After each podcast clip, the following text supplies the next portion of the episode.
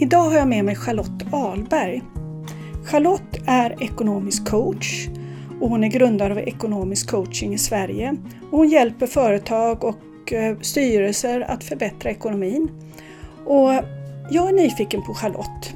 Jag vet att hon kan hjälpa oss som företagare att påverka våra resultat och förbättra vår ekonomiska frihet. Och hon har lovat att komma med lite tips här idag. Idag ska vi tala om skillnaden som gör skillnaden för ekonomiska resultat och det är ju du expert på. Det är verkligen rätt person att prata med. Och det vore så roligt att höra vad du, vad, hur du tänker om detta. Vad är det som gör skillnaden? Mm.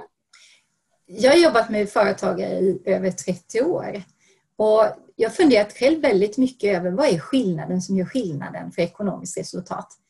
Och jag har kommit fram till att det finns tre faktorer och den första faktorn, ja, men det är målbild och fokus. En målbild ger ju dig en drivkraft och när du bestämmer dig för att fokusera på den, ja, men då drivs du framåt.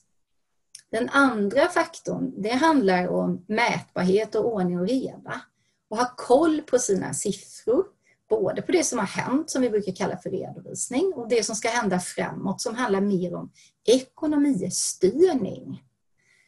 Eh, och den tredje faktorn, den är en sån där hittepåord. Jag brukar kalla det för din penninglagbok. Och det handlar om hur du tänker eh, och det som är viktigt i ditt hjärta. Eh, och saker som vi har med oss från vår kultur och från vår uppfostran om hur man ska tänka och agera kring pengar. Mm. Spännande. Så det är dina tre punkter. Ja, men det är de tre sakerna. Då kan man ju säga, men hur påverkar det, påverkar det mig? Mm. Eh, och om vi tar den där om penninglagboken då, som är den mest udda kanske att komma på. Ja, men när vi är små så lär vi oss utifrån vår omgivning och från våra nära och kära hur vi ska tänka och resonera.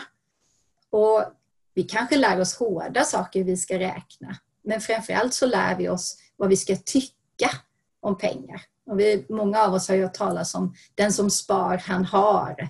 Det hjälper eh, oss att klara oss. Och det påverkar även våra beslutsprocesser som företagare. Eh, och om man har en sån där penningregel då, som att den som spar, han har, så betyder det att det kan hjälpa dig när du ska starta företag. Därför att då kommer du igång och du är försiktig och du ska tänka på vad du använder dina pengar till. Men det kan också hindra dig när du ska få ditt företag att växa eller våga satsa. För då kommer ju sådana där kluriga saker som man vet vad man har men man vet inte vad man får. Och som företagare så har vi en mängd sådana olika penningregler som hjälper oss i beslutsprocesserna. Mm. Det kan vara bra att känna till och det kan man ju fundera lite extra mycket över nu i coronatider. Ja. Men det jag tror att de väldigt många nu i coronatider funderar över. Vad ska jag med en målbild till? Det är ju ändå ingen som vet. Nej. Men det, man måste bädda för framtiden, eller hur? Ja, precis. Och det enda vi vet är att det är ingen som vet. Mm. Aldrig någon som har upplevt en coronatid. Och då får vi fundera på, men vad kan vi då göra för att stärka vårt företag och komma stärkta ur coronakrisen? Det vill vi gärna veta. Eh, och då kan vi tänka att då kan vi behöva lite handfasta råd. Och mm. ägna oss åt att fokusera lite grann kring det här med mätbarhet och ordning och reda. Varför blir det så viktigt i coronatider just? För i vanliga fall så brukar jag säga det att det är penninglagboken som är det helt avgörande för det är vår inställning och attityd. 80 procent utgör den. Men nu, när vi sitter i ett krisläge, då är det så att vi blir oroliga och vi blir otrygga. Och då behöver vi handfasta saker som hjälper oss att skapa trygghet. Absolut. Ja. Det tror jag många känner igen sig i. Och, och då kan vi säga, men vad, vad, behöver vi då ha för trygghet i den här världen? Ja, men, tycker du det är kul med siffror, Eva? Eh, ja, vissa siffror tycker jag är väldigt roligt. Mm. Och, och jag tror att det är så att man behöver faktiskt, alla företagare behöver hitta sin vinkel på att tycka det är kul med siffror. Mm. Eh, men för väldigt många så är det så här, men siffror det är, det är bara ett svart skynke. Jag tror också att många glömmer bort att mäta saker och ting. Ja, Att man faktiskt behöver det. man behöver mäta och man behöver följa upp. Mm. Man måste mäta det som man tycker är värdefullt för företagandet. Mm. Och vad, vad kan då vara värdefullt? Ja, företagsekonomi är ju enkelt. För plus måste vara större än minus. Du måste dra in mer pengar än du betalar ut. Mm. Och då kan man ju för, ja, men då måste man ju tänka på lite grann hur ska det se ut framåt? Och i företagsvärlden så kallar vi ju det för att man måste göra en budget. Ja. Man vill veta ungefär hur mycket man ska dra in och man vill veta hur mycket man ska betala ut. Och det som blir kvar, ja men det blir ett resultat i verksamheten. Och då behöver vi kanske fokusera på, ja, men hur ska vi mäta kring våra kunder? För det är ju det som är vår passion. Ja. Hur mycket, hur mycket det, är ju där, det är därför vi driver vårt företag, för att vi ska hjälpa och utveckla våra kunder. Mm. Och det finns ju mycket material att hämta eh, i bara det att man skickar fakturor till kunderna. Hur mycket säljer jag till varje kund?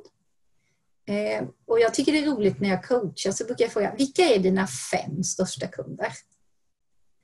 Och det intressanta är att de flesta svarar att jag, de har koll på tre.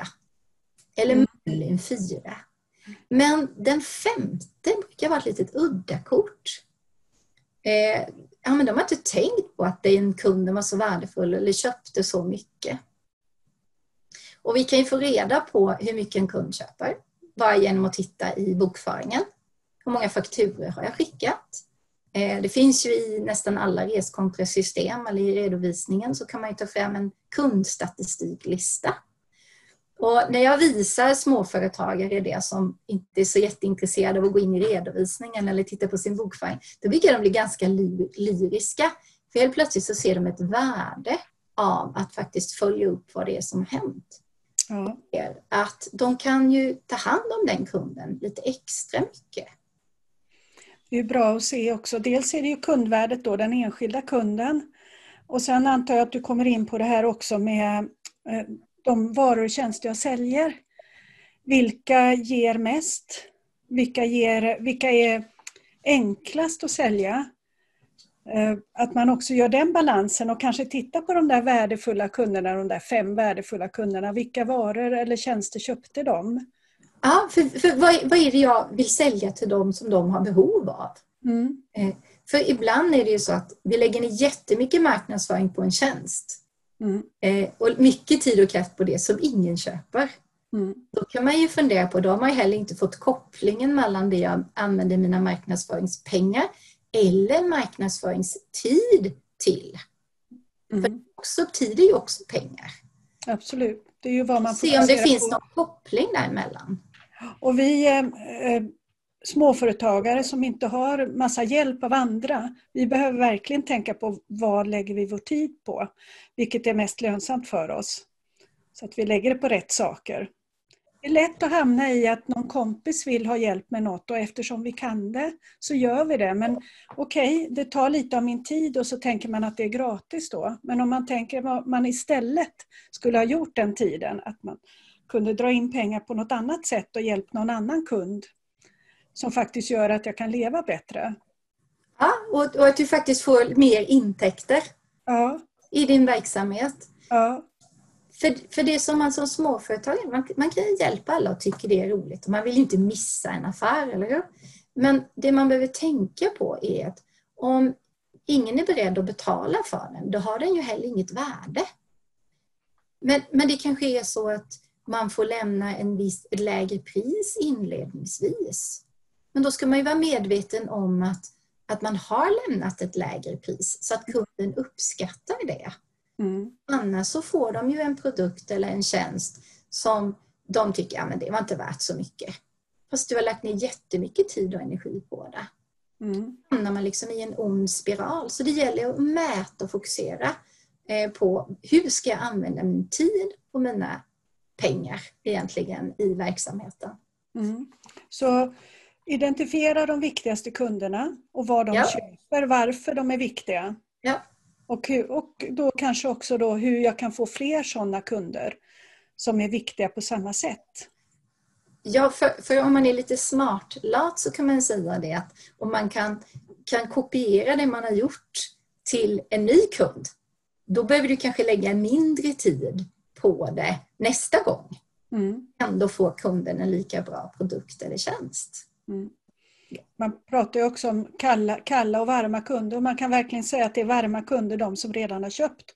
För de, har redan, de vet, vet redan vem jag är och vad jag erbjuder och att jag är tillförlitlig. Så att det krävs inte så mycket för dem att förstå eh, vad jag kan erbjuda dem. Medan en ny kund som inte, som inte har köpt något än, de vet ju inte vem jag är. Nej. Och ett, och ett bra, exempel, bra exempel på varma kunder är ju de du har skickat en faktura till, eller hur? Ja, absolut. Men mm. alldeles för många gånger så fokuserar man på att försöka hitta in massa kunder utanför. Istället mm. för att börja bygga runt de kunderna du har och utöka den kundmassan. Mm. För det är oftast det som är lättare. Eh, för vi ska ju komma ihåg, vi pratar ju ofta om lönsamhet och om pengar i företagsekonomi. Men pengar är ju inget annat än resultat av dina handlingar. Och dina handlingar är ingenting annat än ett resultat av hur du tänker och känner. Mm. Det var det som är dina inre drivkrafter. Varför vill jag göra det här? Mm. Eh, och kan man vara medveten om det, då kan man skapa en bättre lönsamhet för verksamheten. Eh, och att mäta och få det svart på vitt gör ju att det blir lättare att följa upp lönsamheten. Många, eh, Charlotte, har ju problem med att veta hur mycket behöver jag dra in egentligen? Vad har du för tips där på, på hur man ska ta reda på det? Men jag tänker så här, budget är ju väldigt, det kan man göra väldigt enkelt. Samtidigt som man behöver skriva ner det. Eh, och då kan man behöva lite enkla verktyg och, och då har bland annat verksam.se eh, en e-tjänst där man har lagt in små verktyg. Dels så kan man ju räkna ut där uh, om jag löneförhandlar med mig själv. Brukar du löneförhandla med dig själv Eva? Jag behöver så här mycket lön. Ja, jag löneförhandlar med mig själv. Du löneförhandlar med Ja, men det gör jag också och säger att ja, men det här är, så här är liksom miniminivån. Och många sätter ju sin, sin minimilön på på lägsta sjukpenninggrundande lön som är någonstans runt 35 000 kronor i mm. månaden. Tycker att ja, men där någonstans ska jag ligga. Mm. Vad kostar det då dig om du vill ha en lön? Eller ditt företag egentligen? Och där har Verksamt gjort en liten modul där man kan lägga in om jag vill ha 35 000 i månaden. Vad kostar det med semester och pension och sådana kringsaker? Eh, och då kan man säga att jaha, men okej, vill jag ha 35 000 i månadslön, alla kringavgifter, så kostar det som årsanställd ungefär 600 000 kronor. Ja, det är ju en kostnad du har i din verksamhet. Mm. kan man ju fundera på då som företagare att ja, men, lite annat, jag kanske har någon liten lokal eller lite andra hemsida, dator, kanske lite reskostnader, lite marknadsföring, lite representation. Eh, ja, men det kanske gör sådär 150-200 000 på ett år. Mm. Ja, men då vet vi 600 plus 200, det är 800 000. Då har vi gjort en väldigt enkel kostnadssida på budgeten. Då är bara frågan vi ska ställa oss, hur kan vi dra in de här 800 000 för att vi ska kunna täcka vår lön som vi har förhandlat till oss och som vi ska täcka våra kostnader för. Eh, och vill man göra det lite mer, lite mer tydligt för sig själv så har verksam.se en liten modul där man kan fylla i det här och få fram en budget lite mer i detalj då. Om man inte gör det så enkelt som vi gjorde det här. Ja, det är jättebra och då kan man göra, alltså det, det första du sa där 800 000 när man har räknat mm. ut lönen och kringkostnader. Ja. Det kan man ju säga är base case. Ja, det är base case. Ja. ja. Och då vet man också, då kan man göra nästa case också. Vad behöver jag om, om till exempel jag ska få in fler av de där bästa kunderna? Hur mycket marknadsföring ja. behöver jag göra? Vilken ja. typ av marknadsföring behöver jag hyra in någon? Och då kan man göra nästa case då, att om jag lyckas få fem till av de där eller 15 till av de där. Vad behöver jag lägga? Och så kan man då titta på det också, antar jag. För då får man lägga lite större i de där nivåerna som du sa med kontor och, och, och marknadsföring, de där 200 000. Då får man axa upp det en bit eh, och räkna ut vad behöver jag då dra in. Ja, men precis. Och många tumregler, jag brukar kalla dem för en miljonkonsulterna. Det är de som tar mm. in en miljon kronor och då får de en lön och de kan täcka sina kringkostnader och de kan få en vettig verksamhet och fungera. Mm. Och också ha lite sparat. För att det är ju så att det är inte alltid som man lyckas sälja lika mycket varje dag. Verksamheten kan ju gå lite upp och ner och det ger lite, lite trygghet i det om man har en koll på sin ekonomi. Eh, mm. plus och minus, så att man kan få ihop det till att bli lite mer. Mm. Ja men det känns ju som väldigt bra eh, tips det där med att titta in på verksamt och få de här två olika sakerna. Både vad, vad det kostar för mig om jag ska ha en viss lön och vilken slags budget jag kan få då. Eh, eller bör ha för att nå de målen då, få in den lönen. Och så kan man göra en, en base case och en best case. Absolut kan man göra det. Och så finns det faktiskt en sak till som jag skulle vilja tipsa om. För det handlar, vi pratade ju i början om målbild och fokus. För ordning och reda och mätbarhet handlar ju också om att jag ska, vad lägger jag min tid på? Eh, vi kan ju tycka saker är väldigt roligt att göra och då ägnar vi väldigt mycket tid åt det. Och då gäller det att det jag vill göra, att det faktiskt också är det som jag kan få betalt för. Mm. Eh, och en utmaning där man kan utmana sig själv lite, det är ju att man tar bara ett vanligt papper och, och följer upp, ja, men hur många timmar har jag idag ägnat mig åt sånt som jag kan faktiskt ta betalt för? Och hur mycket saker är det som jag har lagt min tid på som jag inte kan få något betalt för? Det är också ett sätt att mäta och följa upp. Behöver det vara exakt? Nej. Men Det, ger en, det ger ju en känsla.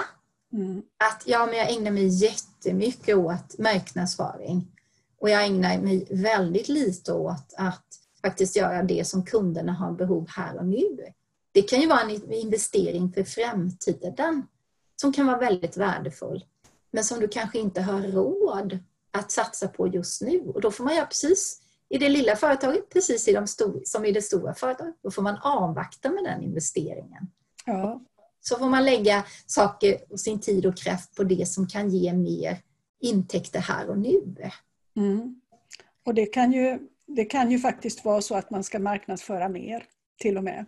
Vika något annat man håller på med som inte ger så mycket. Nej. Så. Och just nu, nu i coronatider, då är det mm. ett utmärkt tillfälle att ladda för, för det som kommer fram, ska komma framåt. Då kan vi rusta oss för att gå stärkta ur coronakrisen. Men det kan vi ju bara göra om vi har analyserat och följt upp det som vi faktiskt har gjort innan. Mm. Ja, och du säger också målbild och fokus säger du och, då, och fokus tror jag också är någonting som, alltså allt det här då, målbild och fokus, mätbarhet och ordning och reda. Eh, det är verkligen någonting som vi behöver. För fokus, det är lätt att tappa fokus för vi kan ju göra så himla många saker. Och kanske är det så att vi ska för tillfället stryka åtminstone hälften av dem. Och ägna oss åt de sakerna som ger oss mest. Både ur alltså, tillfredsställelse men också kan ge oss flest kunder. Ja, för, för det som är intressant, om vi går tillbaka till det här med penning, din penninglaggbok, så har vi alla, vi entreprenörer, har missa aldrig en affär. Det är ju jättebra för då är man ju där och testar och, och vill verkligen serva kunderna och man vill hitta på nya idéer. Eh, så det är en styrka. Men det kan ju ställa till trubbel för oss om vi splittrar upp vår tid och, och inte använder den till det som faktiskt kan ge, bygga på vår verksamhet utan att vi bara plottrar upp vår egen tid. Mm. De hänger ju ihop de här tre faktorerna. Eh, det är ju trots allt skillnaden som gör skillnaden för ekonomiskt resultat. Ja, ja det är ju det. Men jätteintressant eh, Charlotte. Eh, det känns som att vi har kommit ganska långt under den här stunden. Är det något mer som du vill lägga till? För jag tänker att det kanske är lite lagom att avsluta, börja avsluta. Mm, jag, jag tänker så här, det är jätteviktigt att göra det man tycker är kul. Mm. Att, att, fokus, att fokusera på det, gör det kul. Mm. Man ju tänka sig, kan kul stå för någonting annat? Ja, men tänk så här, kul kan stå för kvalitet, utveckling och lönsamhet. Och då behöver de ju hänga ihop och då kan man ju ställa sig frågan i företagsekonomi, hur gör jag det här kul? Ja, men jag gör det med kvalitet. Det ska vara utvecklande men det ska också vara lönsamt. Mm. Det tror jag att vi många kan behöva nu för att gå stärkta ur coronakrisen. Ja. Jättebra ord Charlotte. Tack så jättemycket. Jag tror att detta kan vara hjälp för både en och annan. Mm. Tack så mycket Eva. Tack.